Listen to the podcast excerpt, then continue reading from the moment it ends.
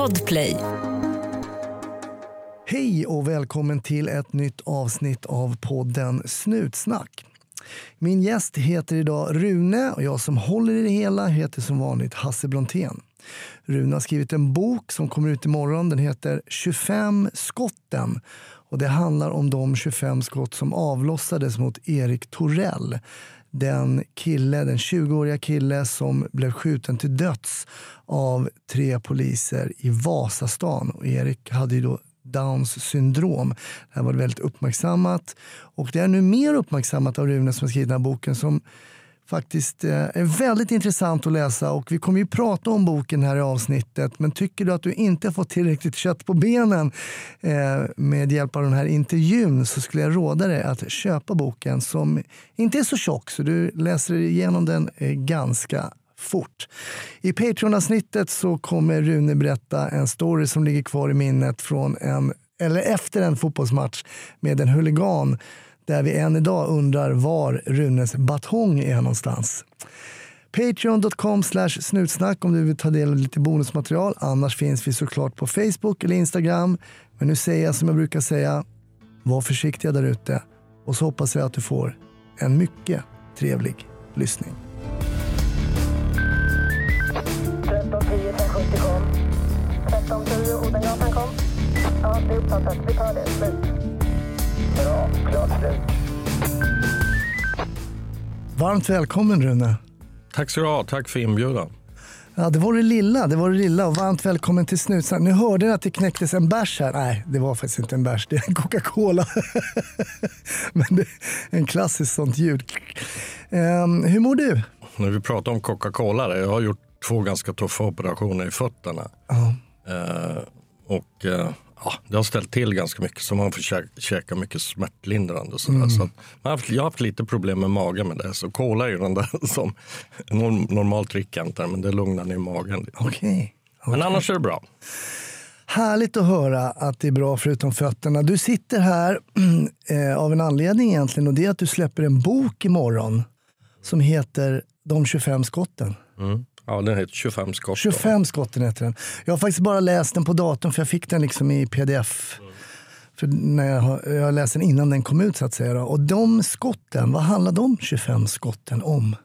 Ja, specifikt eh, så handlar ju 25 skotten om eh, Erik Torell eh, som 2018 blev eh, skjuten med 25 skott av poliser en innergård i Vasastan. Han hade Downs syndrom och han blev, av de här 25 skotten så blev han träffad av tre och två i ryggen varav ett var dödande. Då. Just det. Det Eh, den var ju väldigt uppmärksammad här två år i rad. Den här händelsen med Erik var nu topp 10 i nyheterna i Sverige. Och vi ska givetvis prata mycket om den här boken och den här, om den här händelsen. Men först är jag lite nyfiken på dig Rune, för du är ju själv polis i botten. Ja, jag faktiskt fortfarande en anställning även om jag har varit tjänstledig. Och det är snart 37 år. 37 års tjänst. Då gick du på Sörentorp Ja, det fanns ju bara Sörentorp. Det var innan, 80-talet. innan du kom dit.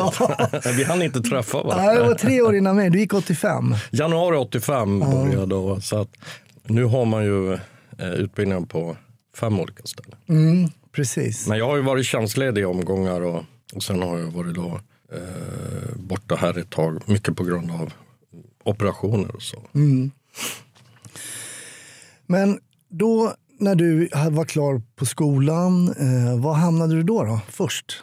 När du var klar efter tre år där knappt. Alltså, det var ju på den tiden vi fick anställning direkt. Så vi fick, vi fick faktiskt lön eh, under vår studietid. Och då gick man ju, Det var ju perfekt. jag tror de ändrade, eller fick du det? Jag fick pröjs också. Det var en av anledningarna till att man sökte. Man Ja, det var, det var ju fantastiskt då. Och, eh, och då, jag är ju född i Kiruna. Eh, jag hade väl en tanke att stanna i Stockholm. Jag hade varit ett tag i Stockholm. Men, men då behövde de ju folk dit upp. Och genom att jag var där så fick jag en placering och så fick man lön. För vi fick ju en placering direkt. Det var några år som jag jobbade där. Sen drog mycket socialt och andra saker drog mig söderut. Så att jag har faktiskt jobbat större delen av min karriär eh, som ingripande polis i Västra Götaland i Göteborgs city. Okej. Men det måste ju vara en väsentlig skillnad att jobba i downtown Kiruna eller i city Göteborg? Alltså jag åkte på ett larm i Kiruna. Som, eh, ja, det var ganska makabert men det är ett självmord och det var 23 mil, enkel resa. och så hamnade jag i Göteborg och då var vi en specialgrupp som jobbade i Nordstan. Och vi var 26 gubbar. I stort sett jobbade i Norstads centrum. Plötsligt från vidderna uppe i Kiruna in i ett köpcentrum. Och vi hade ju faktiskt eh, eh, vi rensade ju upp ganska mycket, förlåt uttrycket rensa, men det var ju ganska stökigt där och hade ganska ordning och reda eh, på köpcentrum. Men vi hade alltså fler ingripande IG då, alltså i, eller eh, ingripande då, på, i Nordstan på 26 gubbar än vad hela Malmö polisdistrikt hade. Oj. Så att det, det var ju som ett annat jobb. Och kanske vi ska komma in och prata lite om din bok som är väldigt intressant ur många, ur många aspekter faktiskt. Men när vi ändå pratar om de här geografiska skillnaderna så, så vet jag ju rent om, för du, du skriver mycket om taktik eh, och polisiär taktik och utbildning.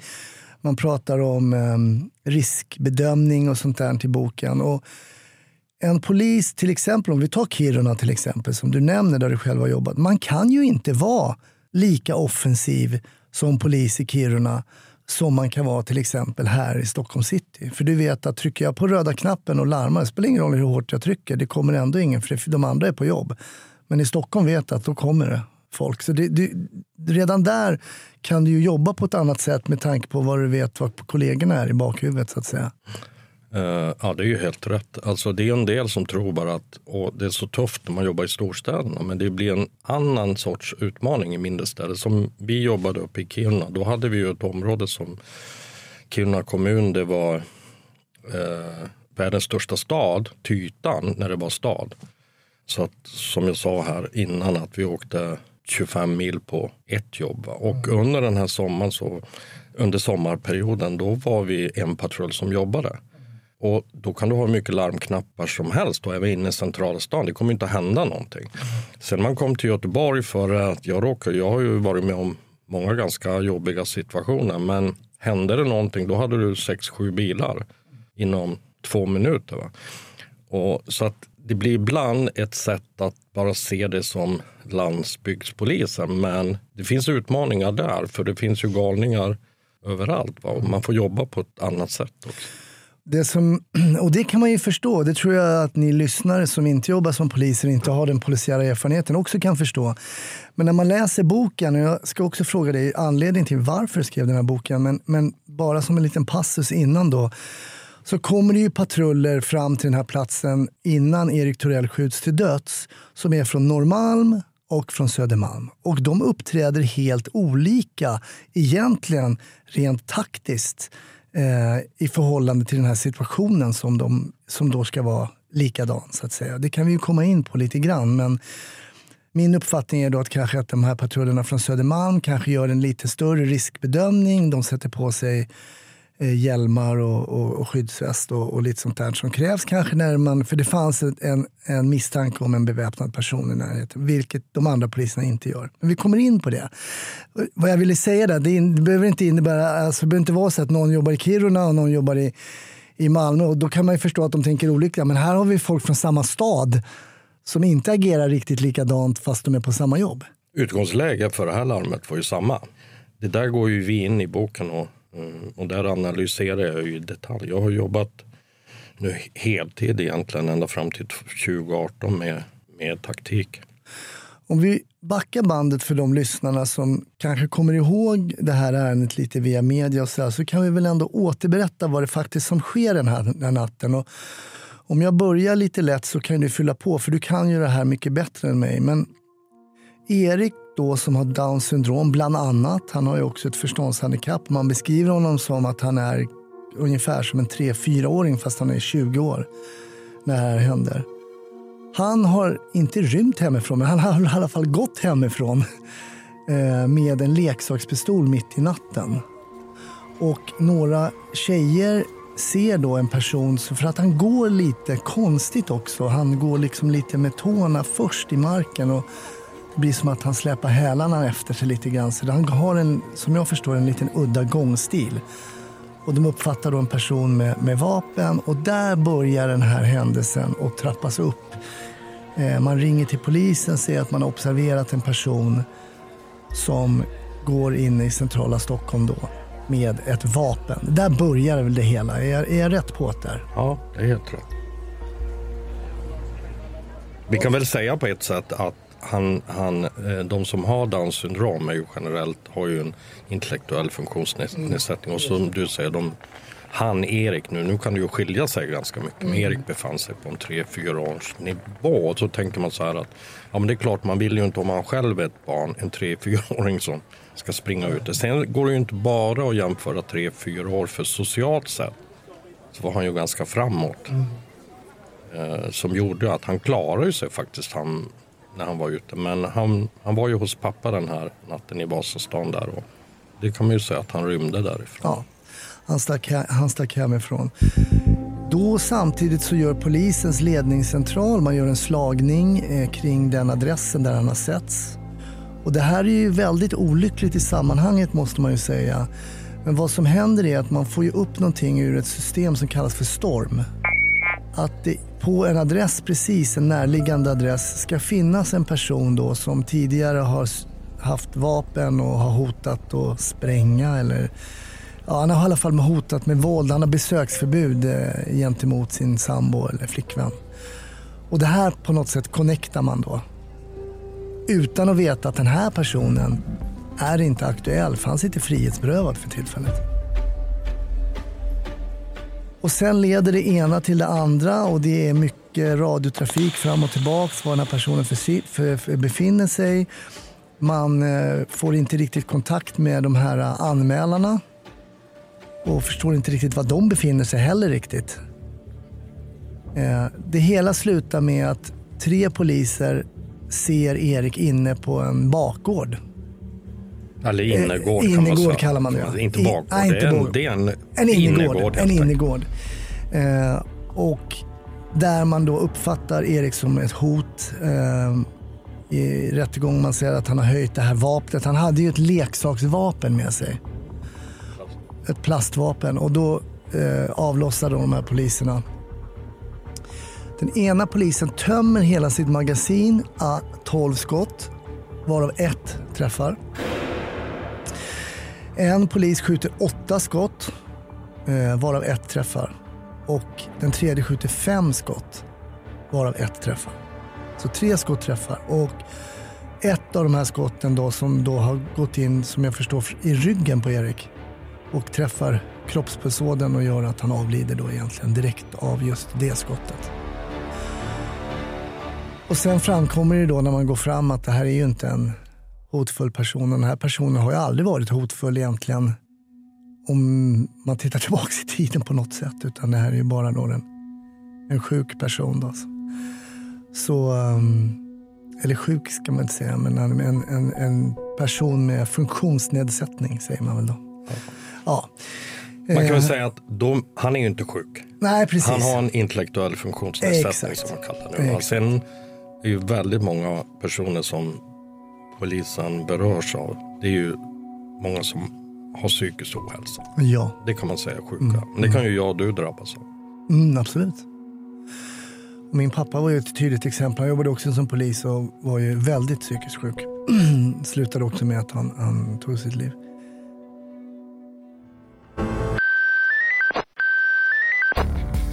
Jo, lite bakgrund till varför du skriver den här boken innan vi går in lite vidare på det här händelseförloppet. Men nu har vi grunderna och då tänker jag lite nyfiket fråga, hur kommer det sig att du då, som jobbar som polis skriver den här boken, 25 skotten?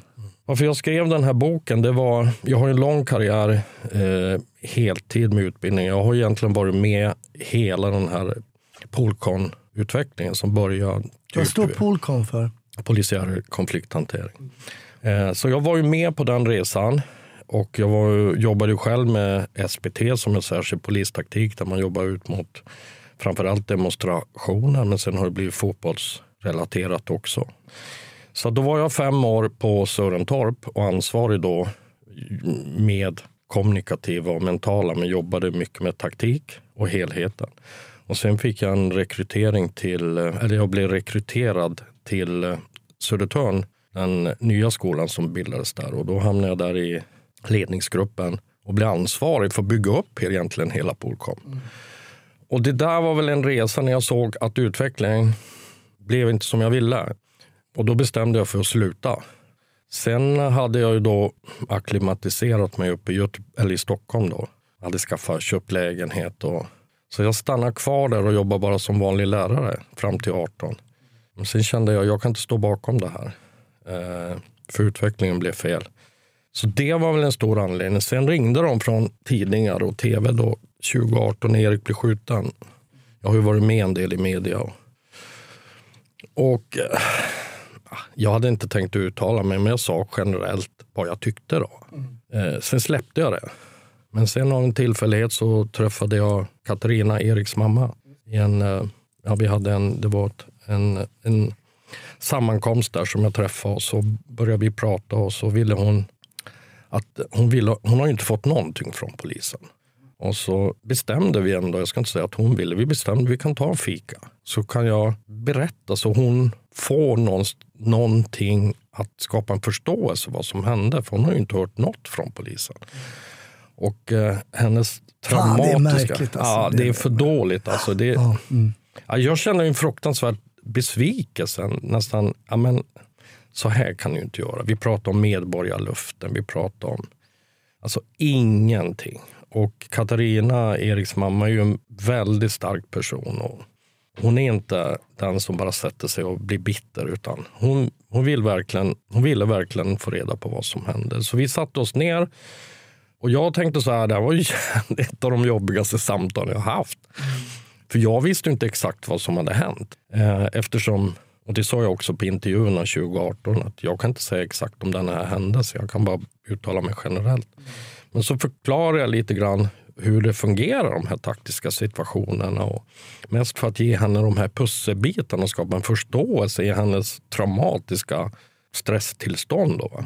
Jag kände så här att nej men jag, jag ska vara ärlig, jag ska vara rakt och säga hur, hur man jobbar. Så att jag kan väl säga på ett sätt så, så, så ställde jag mig väl på ett sätt bakom poliserna där. För att jag, vet, jag visste ju hur de hade reagerat på det här. Va?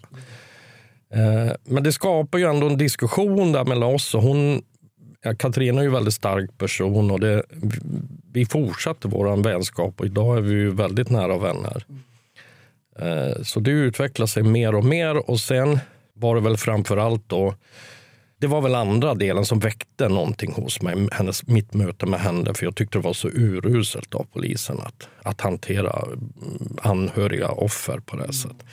Och sen när det kom då, när det blev åtal på det här och jag läste förundersökningen så då tänkte jag att det här, ja, det, det var så mycket som var fel.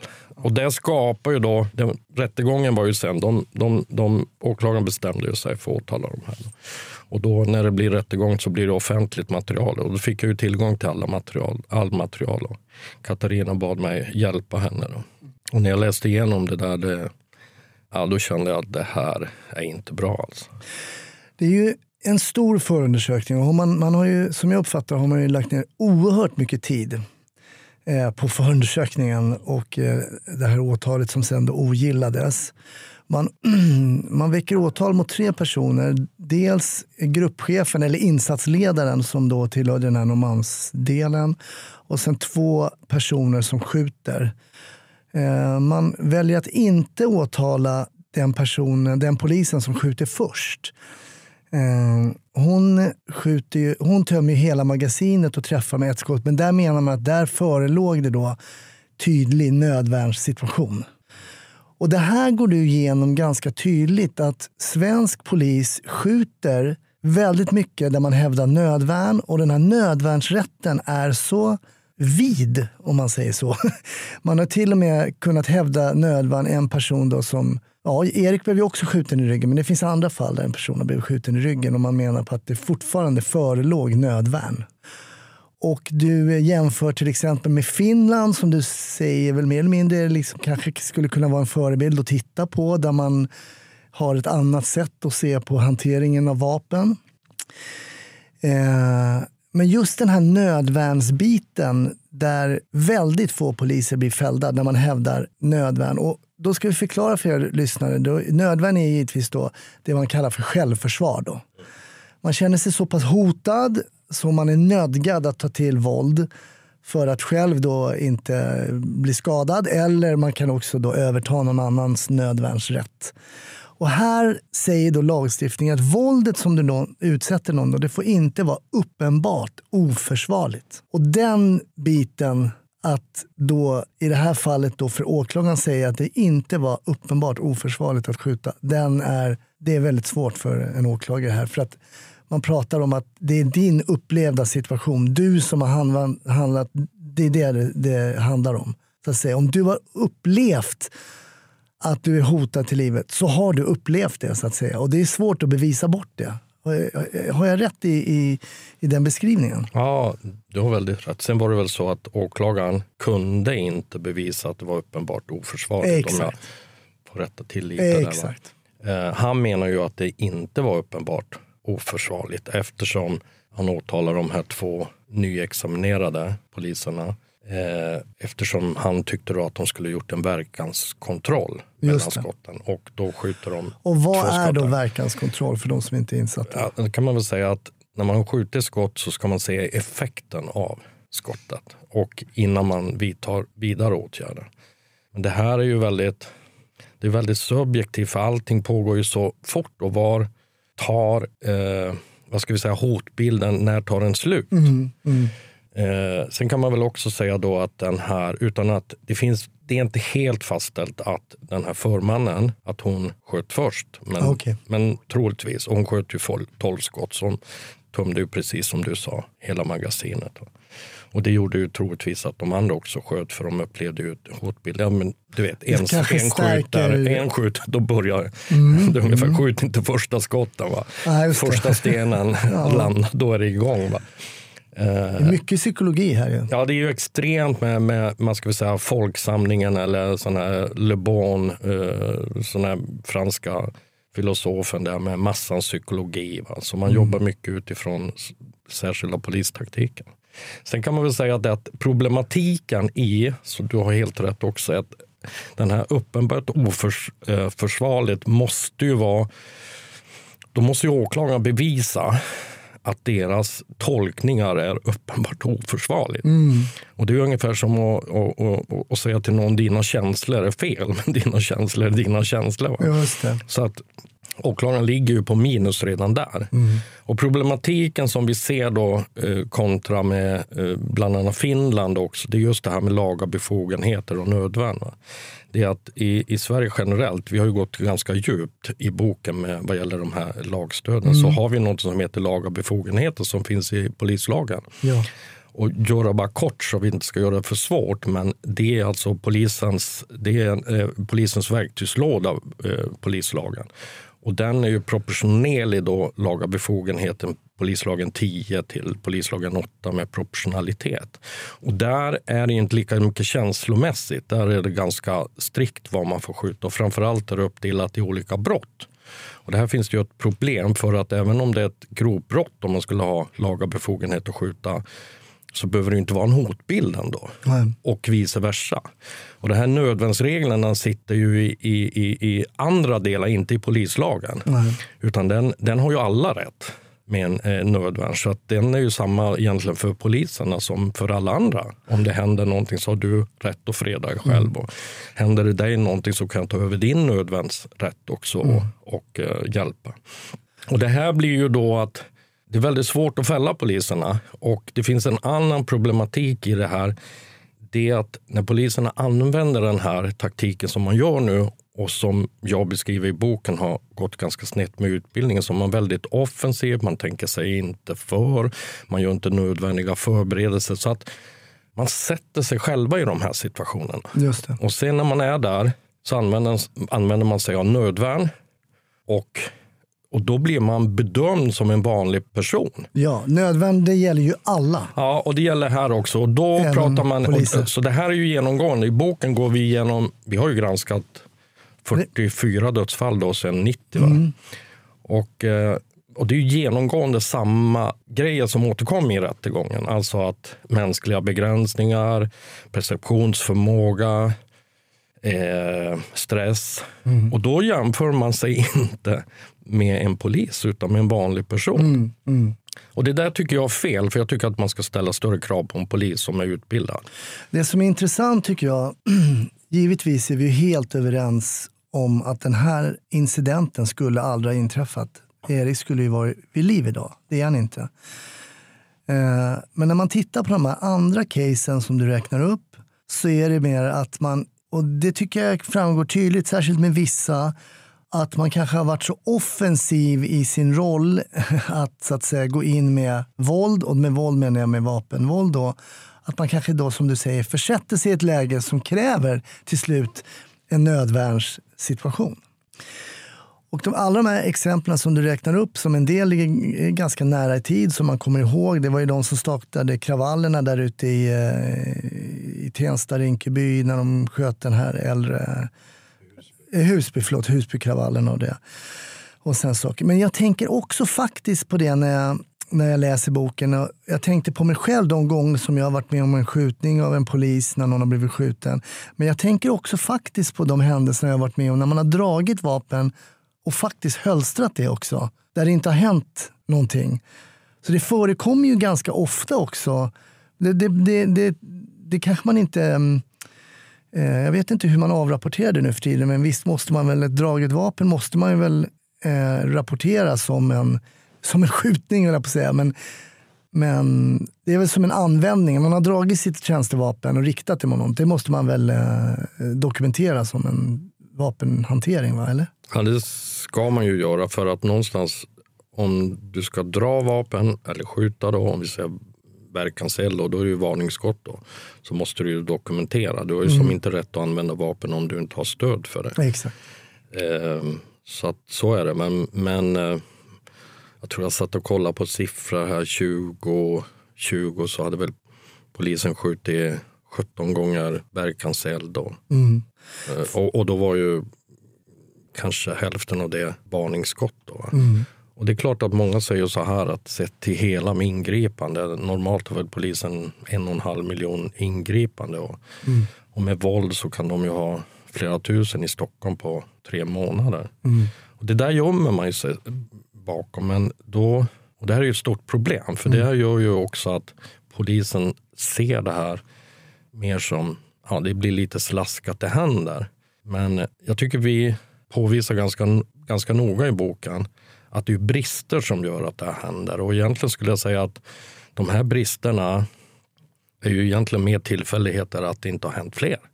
För det är hur många som helst länkar i den här kedjan med Erik som hade gjort att Erik hade levt idag. Det är väldigt intressant och det kan man väl säga. Jag tycker att ni ska läsa boken för att den är ju givetvis mycket mer em, beskrivande än det vi, det vi hinner gå igenom eh, på den här timmen i podden. Men man kan ju säga att din kritik som du riktar är ju mer en systemkritik. Eh, ju, du riktar ju inte en specifik kritik i det här fallet mot, låt säga de här tre poliserna. Det finns ju också en, en viss förståelse som du säger också att det är en nödvärnssituation. Och den kritiken som kom initialt, man kunde se på sociala medier, så varför såg de till exempel inte att Erik hade down syndrom? Det borde man ju se om det var, hur långt ifrån stod de? Och mellan 15-20 meter när de sköt. Ja. Men innan var de ju även närmare. Då. Ja, Man kan väl säga så här att nu har jag blivit lite expert på dans. Det är som att jag känner Erik. jo men såklart. Eh, men jag ser väl på 30-40 meter. Men det var hyfsat ljust, Mm. men det var gryning. Men just då när de blir så här stressade, när de har satt sig i en situation, lite som jag uttryckte för Katarina då, när, då sa jag att de hade inte sett skillnad på en hund eller katt. Ja. Utan då blir point of focus, det blir vapnet. Och det är hotet som är. Va? Så då är det ju som för sent att göra. Och generellt kan man ju säga att så, jag tycker ju att det här är ju ett, ett, som du sa, ett systemfel. Det här är väldigt stora, det är en stor kritik mot polisen, polismyndigheten, som egentligen skiter i offren och tänker på sitt varumärke. de ställer sig egentligen inte bakom polisen heller för att det här är ganska, eller ganska, det är ju fruktansvärt traumatiskt för polisen att ta död på en människa och veta sen också om man tar död på ett, en, en ung kille som har leksaksvapen. Det är ju ingenting roligt att ha i ryggmärgen. Så att, men samtidigt så är det ju också att de står i den här händelsen Ja. och då måste man ju granska den här händelsen. Men största kritiken är ju mot utbildning, rekrytering och organisation. Man kan väl också tillägga då att, att det här med, med just de här poliserna blir ju åtalade för någonting som händer mellan 3 och 10 sekunder. Alltså bara skottögonblicket. Eh, det här tar, tar vi också upp i boken. Om man gör jämförbart med den här eh, sjuksköterskan, barnmorskan i Kristianstad som gjorde mm, vad ska vi säga, yrkesmässiga fel i samband med en förlossning.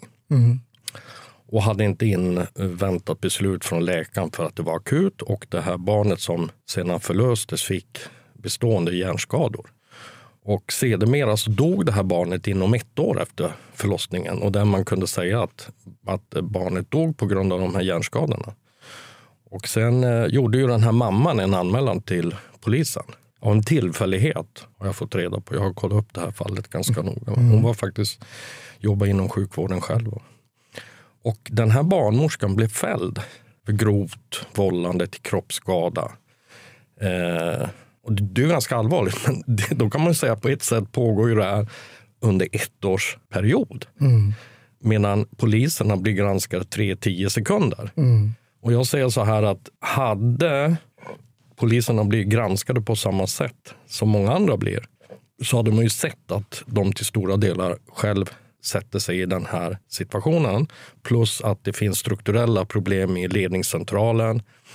Och man missar så många delar i det här. Så att eh, förloppet hade blivit helt annorlunda. Och jag skulle nog säga också att eh, åtalsframställan hade blivit helt annorlunda och troligtvis eh, domskälen. För just nu som det är så har de inte så mycket val, domstolen. Jag var över, äh, domstolen att göra någon annan bedömning. Jag var övertygad om att de kommer bli friade. Du benar ju ut det ganska noggrant faktiskt där i vad, alltid lätt att vara efterklok i och för sig också, men jag tycker som läsare att man också kan, eh, man behöver inte vara polis för att läsa in att man hade kunnat göra många saker lite bättre. Och hade man gjort det bara lite bättre så hade det kanske inte slutat som det gjorde här. Eh, att man försatte sig i en situation som ledde då till att Erik eh, blev skjuten. Eh, den här personen som vi nämnde som egentligen förstärkte hela den här hotbilden det var ju det att man var länkad till ett system som inte var samkopplat med ett annat system som kunde säga så här, personen är frihetsberövad just nu. Så då hade man ju kunnat lägga ner och, i alla fall den biten om att det skulle vara en, en bevisat farlig person som fanns i närheten. För han var, fanns ju inte i närheten. Han var ju frihetsberövad. Alltså, jag tror att, eller jag är övertygad om att alla kommer ha mm, se någonting matnyttigt av boken. Min kollega som, som jag skriver boken med, han jobbar ju som journalist och han hade ju ingen bakgrund. Så vi har ju försökt göra en bok så att, mm, att han har ju varit som en liten bollplank till mig där. Att, att vi ska göra den så lättförståelig som möjligt. Och vi är ganska tydliga med, med, med de här grejerna och eh, vi har gjort eh, en analys av hela skottillfället. Så att lite så här när man säger det här systemet, men det här blir lite paradoxalt. För att då finns den här hotbilden med bombmannen och den här bombmannen var ju en person som hade hotat att skjuta poliser, som hade satt en, en sprängladdning under hans eh, ex-fästmös bil och eh, var dömd för det här. Och nu satt han ju häktad, vilket ledningscentralen inte kunde se. Va? Så han satt ju i Kronoberg. Men saken är ju den att de har ju med det här och då kan man ju, de har ju med sig den här informationen. Ändå agerar de så amatörmässigt när de går in. Så jag sätter ju lite emot det du säger där. För att den här eh, informationen som de fick med bombmannen borde ju ha höjt deras vaksamhet. Då borde de varit ännu mer försiktiga. Men någonstans så är de så låsta på vi ska möta en målsägande, vi ska möta, möta en inringare. Så tänker man inte att ja, men här går jag ju in i ett minerat område. Det, om jag träffar dig, jag vet att du är världens snällaste kille.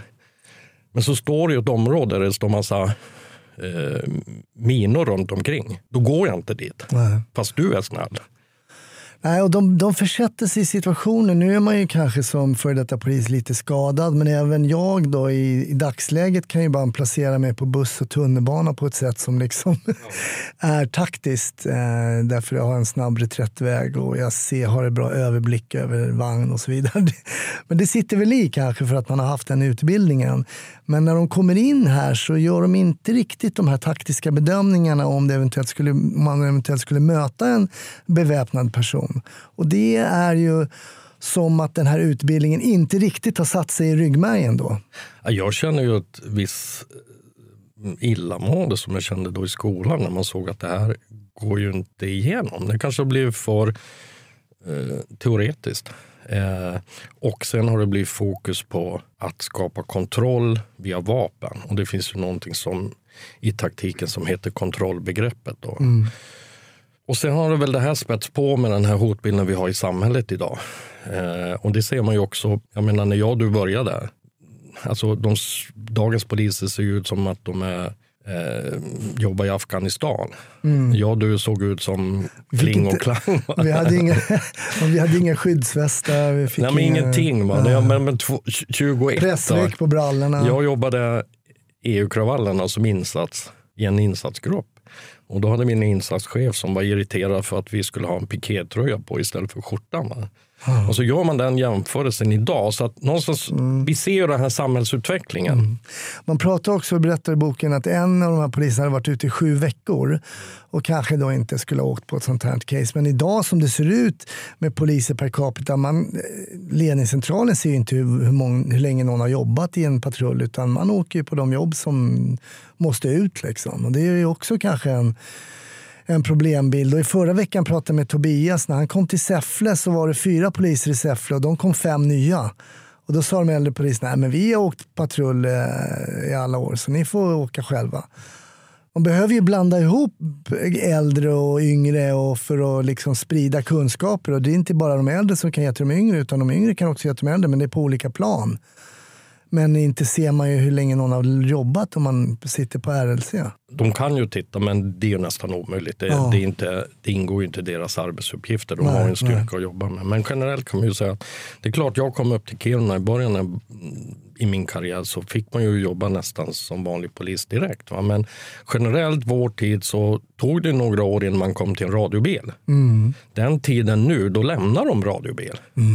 Eh, och det där är ju också något som, som vi kommer eh, in i, i- i, alltså som vi tar upp i boken med rekrytering. Alltså det är oerfaren personal och det ska ju inte lastas studenternas fel. Det är, det är ganska oschysst mot dem att hamna där. Och sen finns det så många karriärmöjligheter nu och det är inte tillräckligt attraktivt yttre tjänst med löner, arbetsvillkor och så vidare. Så det måste ju där måste ju arbetsgivaren och politiker ta tag i det.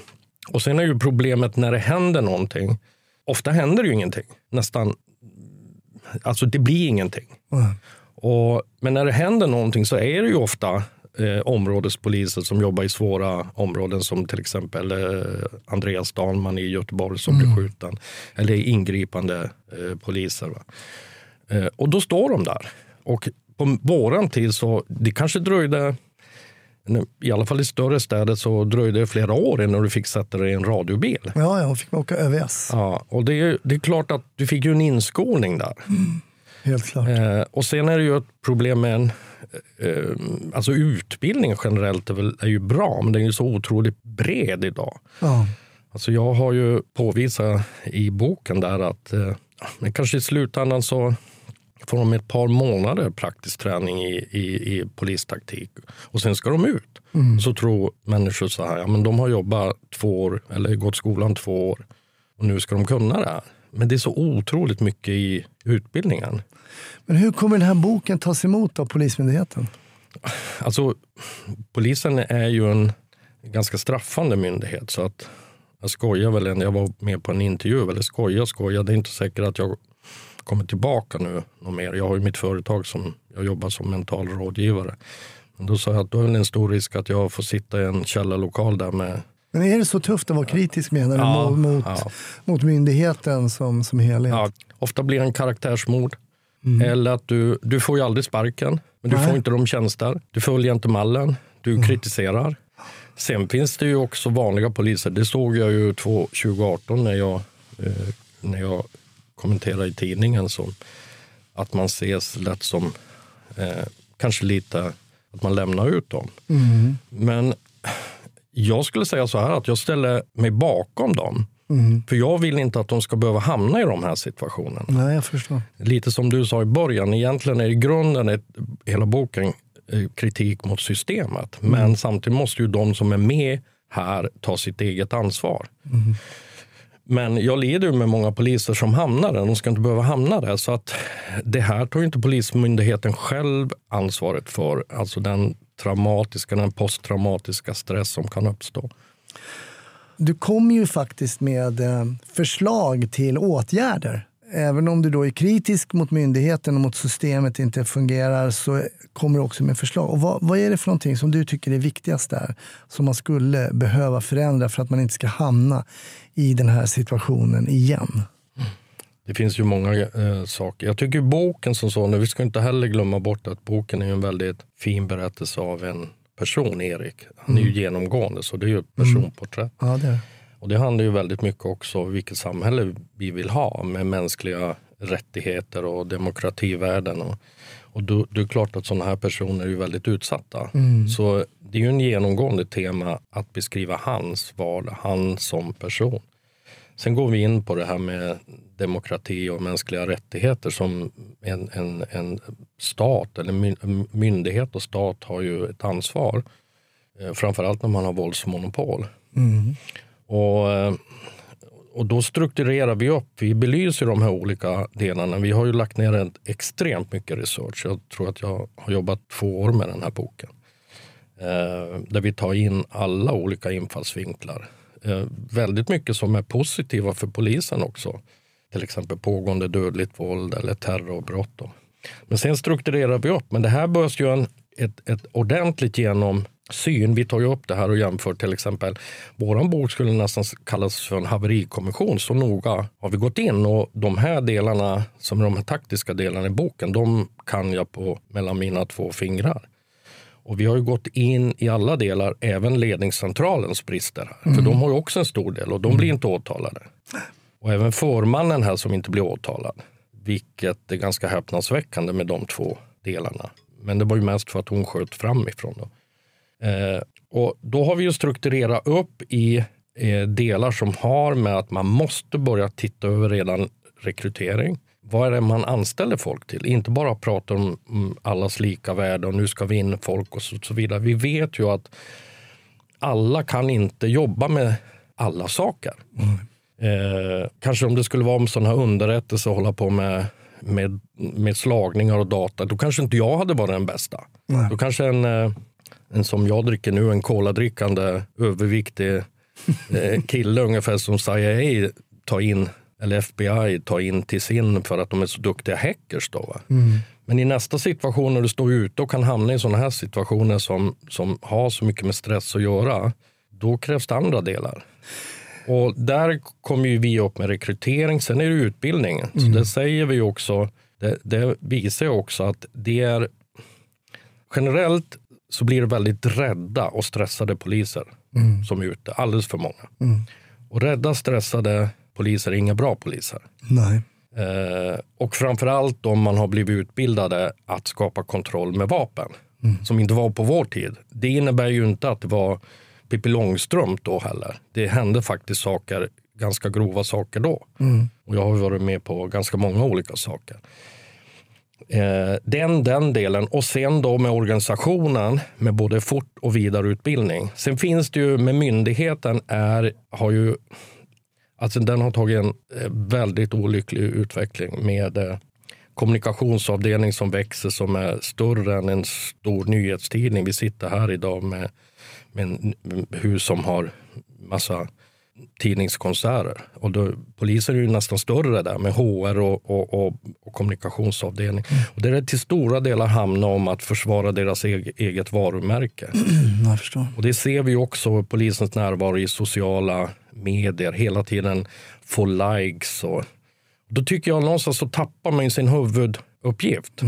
Och när man samtidigt, alltså som en lag och ordning, när man samtidigt går in på väldigt mycket eh, rekryteringar på eh, New Public Management med att få bra stat- statistik eller värdegrundsfloskler och så vidare.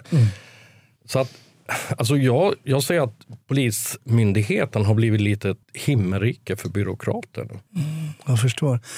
Sen ska vi också säga, jag blir, jag blir lite splittrad. Jag tror att det är för att jag är ex-polis när jag läser den här boken. Jag tycker att den här kritiken som, som du bland annat nämner nu och som är mer specifik när vi läser boken, känns väldigt befogad. Det Känns väldigt befogat Och att det alltid varit lite hit och dit med de olika utbildningarna. Även när jag gick, det, var ena, det hette så den ena gången och så skulle det vara något nytt. Och så. Där måste man verkligen strama upp det och se till att man får en heltäckande och så vidare. Och så vidare. Men sen blir jag också, jag är väldigt engagerad i de här poliserna som till slut, oavsett om de nu har försatt sig kan man säga i det här själva, om man skulle, befälet kanske skulle ha backat ut dem. Det fanns sätt att göra det här på ett betydligt mer, eh, på ett betydligt mindre offensivt sätt. Det fanns egentligen ingen idé att hamna i den här utsatta situationen utan man hade kunnat backa hem och lösa sig. Men ändå när man är inne och varit i liknande situationer själv så blir man, har jag, ska jag säga, man ska jag inte säga, en viss förståelse just för att det händer. Eh, och jag eh, förstår eh, kritiken mot myndigheten i sig. Du nämner ju också fall där du tycker, du är ju inte emot så att säga vapenanvändning utan du tar ju upp exempel i boken där offensiv vapenanvändning är helt nödvändigt. Och du tar också exempel, till exempel han, ehm, vad, vad hette han med Saben där? ehm, i Trollhättan, ja. Där var man tvungen med sån polistaktik som var väldigt offensiv att avbryta pågående dödligt våld och fler hade väl antagligen där eh, kanske bragts som livet om inte polisen hade ingripit resolut som de gjorde där. Men där måste man skilja på, det på situationerna och det förklarar du också i boken att det finns offensiva. Du nämnde också här terror, terrorism. Där kanske man också måste vara väldigt offensiv i vid eventuell vapenanvändning. Men så har vi de här situationerna som beskrivs väldigt bra i boken när vi just kommer till de här nödvärnssituationerna där man känner när man läser vissa exempel, oh, där hade du verkligen kunnat kanske backa ut ur lägenheten och prata eller någonting. Ja, vi, vi, man måste ju generellt se över det här med nöd, eh, med skyddskungörelsen och nödvärn. Det är ju A och O. Sen, jag förstår också, jag lider ju med poliserna. Det är ju inte så att de här två av de här poliserna dessutom haft en kort tid på polisutbildning. Och det var de här två som var åtalade. Det var ju två bra killar. Det var ju vettiga personer. Och det är klart att de går ju inte dit för de tycker, eh, och skjuter för att de tycker att det är roligt. Nej, det tror jag vi det är ju tragiskt. om. Och det menar jag också att när vi gör en sån här bok att jag tycker att myndighetens ansvar att se till att skapa en arbetsmiljö där de inte hamnar. Och på något sätt så har jag själv också varit med om att utbilda.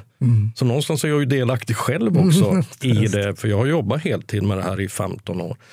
Eh, Men någonstans måste ju någon också säga ifrån och se de här felen. Och det som jag tycker är st- största grejen också med utbildning eller, eller både Polismyndigheten, det är den här bristen på självreflektion. självreflektion. Alltså, det är som nu här, så, så, så de här åtgärdsförslagen som man har pratat om, det är ju bla bla bla. Det handlar ju om politik. Det har egentligen inte skett någon förändring. Och, eh, och så blir det lätt en skuld eh, projicering på, alltså Erik är ute, var gör han ute på natten, varför har han ett vapen? Som självklart är relevanta frågor för att han, Jo, men han ska man- ju inte, men Man ska heller inte bli skjuten för det. Nej, men alltså ändå att även om en motpart gör fel så måste man ju när man är en statlig myndighet med våldskapital, våldsmonopol, så måste man väl kunna utvärdera sin egen insats, inte bara lägga ansvaret på motparten. För nu är det som det är. Va? Annars kan man kanske inte jobba som polis. Då kan man börja jobba som socionom eller något annat. Och det där är ju brister som, eh, som jag ser och det har vi ju föreslagit i boken med en haverikommission, en oberoende kommission. Här har man särskilda utredningar och eh, special, särskilda åklagarkammaren som håller på att utreda. Så att alla sitter ju knä på varandra och enda man utreder det är om det har skett ett brott.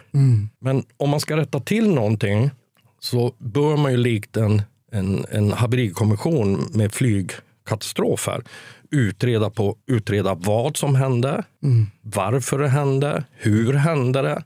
Och sen ta lärdom. Men det där händer aldrig i polisen. Och så, vi visar ju ganska noga på alla de här 44 som har blivit skjutna här sedan 90 att det är ju en genomgående samma tema. Med taktiken, med bedömningar, med nödvärn.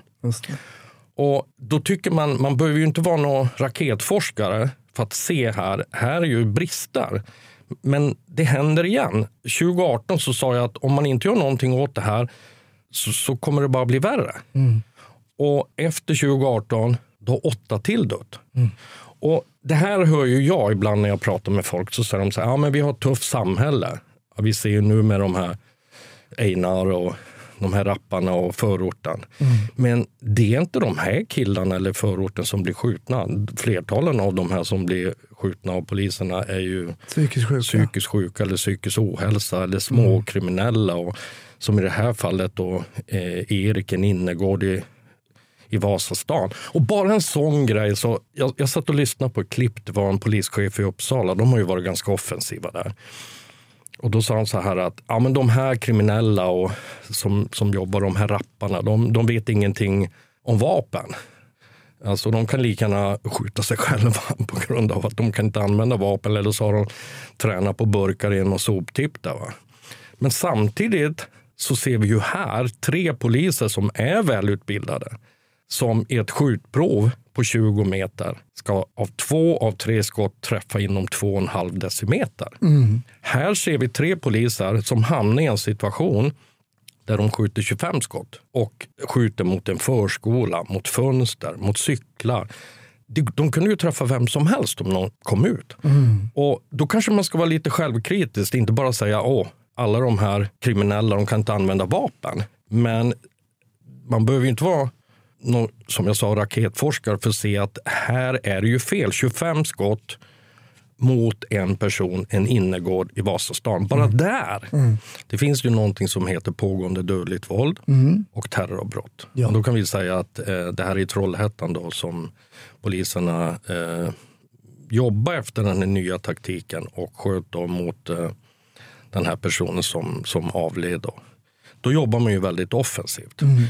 Och det kan man väl säga att det är ju en ganska bra taktik för att då räddar man ju liv. Om vi gör en jämförelse med Norge som hände nu, Kronberg där. Just det, när man är tvungen att åka och hämta ett vapen. Ja, de och- kom in i affären, i butiken där och han kom undan och han dödade fem efter. ja. Hade de stoppat honom då så hade ju inte det här skett. Så att det där tar jag ju också upp i boken. Det är inte, precis som du är inne på Hasse, det är inte svart eller vitt. Nej. Men vi måste kunna ställa krav på eh, polisen att kunna vara mer professionella och kunna gö- göra professionella bedömningar. För det är så många situationer som istället när man säger så här att det här är bara tillfälligheter. Det finns så många situationer som kunde blivit likadan eller ännu värre. Vi tar upp Adam, han skådespelaren. Och det här måste man vara lite ödmjuk inom polisen. Just Börja titta och, Paulsson, ja. Mm. och det, inte, det innebär ju inte att man, att man ska bli någon kling och klang och att man inte i Nej, samband med, med de här terrorbrott eller skolskjutningarna var defensiva. Det är inte det jag menar. Jag menar att man ska bli mer professionell och kunna göra en mer adekvat bedömning i de här olika situationerna. Rune, berätta om stiftelsen. Ja, det är jätteroligt att du frågar. Vi har ju, mm, alltså, det glöms ju bort. Det är lite som med debatten nu med de här skjutningarna i förorten. Och man glömmer bort de här anhöriga. Och det är exakt samma så här. Det finns 44 eh, familjers anhöriga som inte ens får svar vad som hände för förundersökningar läggs ner. Av de här 44 gick åtta till åtal. Två blev fällda. Och då bestämde jag, Katarina Eriks mamma, att starta en, eh, en minnesfond, en insamlingsstiftelse. Så vi har en hemsida, Som heter? eh, Erikfonden. Eh, och eh, där, det här är ju ett sätt för Katarina också att kunna hantera sorgen och göra någonting positivt av det. Så där håller vi på att starta, eller vi har startat en minnesfond där vi kommer eh, samla in pengar och alla de här pengarna Alltså alla pengar då förutom kostnader som vi har i samband med det här kommer ju gå till, till stipendier till personer som har olika former av intellektuella funktionsnedsättningar. Så att eh, vill man göra någonting bra, om det är klart det är roligt om ni köper boken för det kommer att ge en stor förståelse. Men gå gärna in och eh, och eh, eh, skänk pengar för det är ett väldigt gott ändamål. Och de här personerna behöver mycket hjälp för det här med LSS-stöden har ju dragits ner så otroligt mycket i samhället. Jag ska lägga en länk till, eh, till sidan också, till fonden, till stiftelsen där. Och den vanliga avslutande frågan, givetvis. Hur mycket kollar du på polisfilmer, Rune? Jag tror, vi pratade om det innan här. Och man blir ju lite yrkesskadad. Jag, känner- jag känner ju själv, jag känner igen de där grejerna som du säger i bussen och så vidare. Man, man tittar på folk, man ställer sig ungefär reträttväg och bla bla bla. Och, och eh, jag tycker det är ganska jobbigt att se polisfilmer. Man blir så här, fan man blir en sån jobbig jävel som bara ser alla fel. Va? Men eh, det är väl en serie, det, det är kanske en klassiker med Beck som jag ändå någonstans har följt. Och någonstans så Framförallt var det ju den här gamla Beck med Gunvald Larssons tiden. Och, Så att den har ju blivit som ett måste ändå någonstans att, att se. Så jag får väl ändå säga... Men du har den inte som utbildningsfilm. Jag var faktiskt med i radion, i Sveriges Radio och då eh, handlar det faktiskt om poliser i eh, tv-serier. Okej. Hur verklighetsbilden är. Och då frågar de just det här Gunvald Larsson. Hur hade han klarat sig i polisverksamheten? Ja, sa jag. Han har nog inte blivit kvar så länge. De har nog skickat honom till en psykolog där. Han lider nog av lite psykisk ohälsa. Tack så jättemycket Rune. Din bok heter 25 skotten och den kommer ut imorgon. Och när jag säger det så är, nu är det ju tisdag så det är den 3 november den kommer ut, eller hur? Den 3 november kommer ut så hör du det här efter 3 november 2021 så är den redan ute. Och fonden heter Erikfonden och är det erikfonden.se då? Ja, man kan slå på det eller Erik Torells minnesfond. Och eh, jag, jag säger igen, jag är tacksam om många går in och stöttar det här. Stort tack Rune för att du var med. Tack för att jag fick komma. 1310 1070 kom. 1310 Odengatan kom. Ja, det är uppfattat. Vi tar det. Slut. Bra. Klart slut. Tack för att du har lyssnat på Snutsnack. Runes bok hittar du där böcker säljs. Annars kan du också besöka erikfonden.se som vi nämnde i avsnittet för att eh, stötta upp lite de som behöver stöttning av oss till och från ibland. Hoppas du lyssnar även i nästa vecka. Ha det fint sen till dess. Hej då!